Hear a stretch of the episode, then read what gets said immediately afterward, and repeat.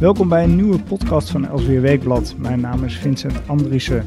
U luistert naar onze nieuwe podcastserie Non Solus. Wekelijks bespreken we hier in het nieuws met de hoofdredacteur van Elsweer Weekblad, Arendo Joustra. Arendo, welkom. Deze week ga je in jouw column Non Solus in op de natuurbescherming in Nederland. Maar laat ik je eerst de vraag stellen: is het eigenlijk wel goed dat we zoveel tijd en energie steken in natuurbehoud? Ja, ik vind van wel. Ik kan me enorm ergeren als mensen alles maar op straat gooien.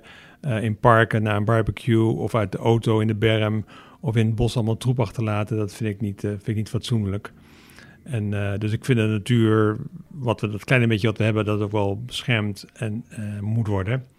dat is het antwoord op je vraag. Ja, maar eigenlijk de belangrijkste, het belangrijkste punt wat jij opwerpt in jouw column is natuurlijk... Welke, welke ja. natuur willen we dan beschermen? Nou ja, het is wel grappig, want er is nu heel veel te doen over het stikstofbesluit, waardoor alle projecten stil liggen.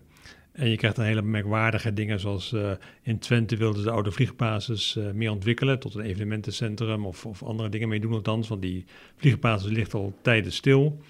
En, uh, en nou ja, dat is nu, die hele plannen zijn nu afgewezen en ze streep doorgegaan door ons hoogste college ambtenarenrecht, de Raad van State, omdat daar de franjestaartvleermuis bedreigd zou worden.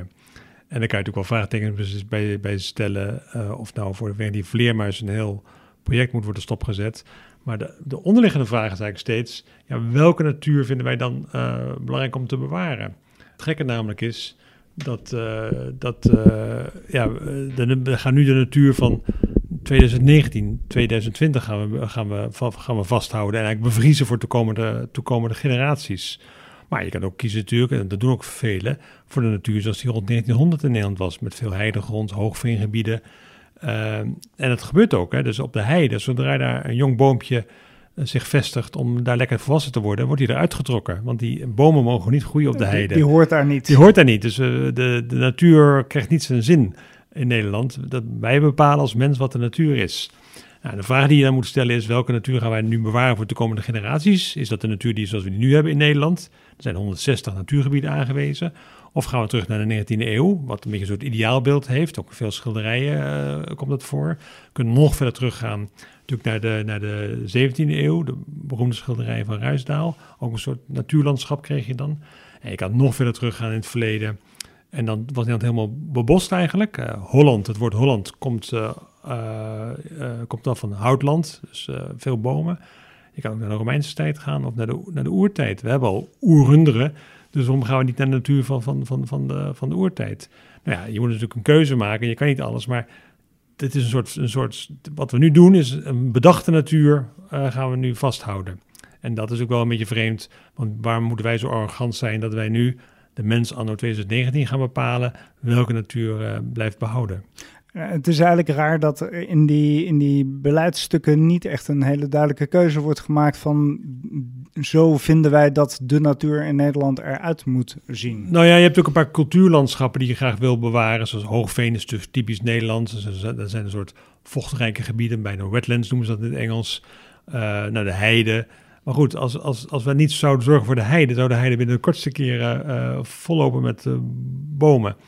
Uh, er was ook later in het NOS-journaal had je twee items, weet je, van elkaar niet tegelijkertijd, maar wel in hetzelfde journaal. Eén werd er getreurd dat er bomen groeiden op de heide.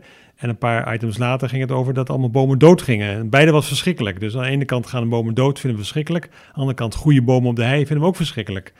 Uh, maar goed, je kan je voorstellen dat die heide wordt, be be wordt bewaard. Maar waarom moet die heide bewaard blijven als, die natuur, als de natuur zelf daar een einde aan wil maken? Dus welke natuur is dan goed? Is dat, dat dan de heidegrond? Of uh, laten we de natuur uh, zijn werk doen en bewaren we dat? Of gaan we terug naar de tijd dat alleen maar bossen waren hier?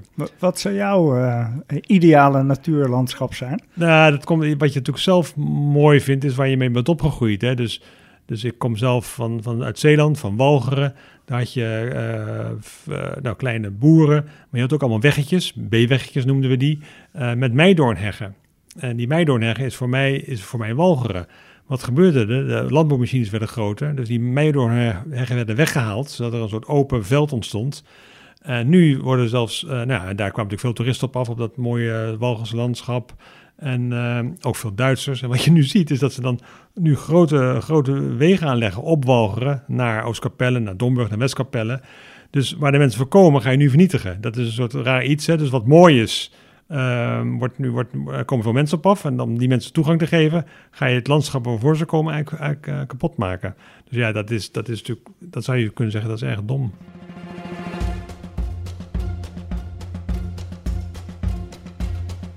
U luisterde naar onze podcastserie Non Solus met hoofdredacteur Arendo Joustra. Wilt u zich abonneren op deze podcast of onze andere podcastserie? Ga dan naar elsevierweekblad.nl slash podcast.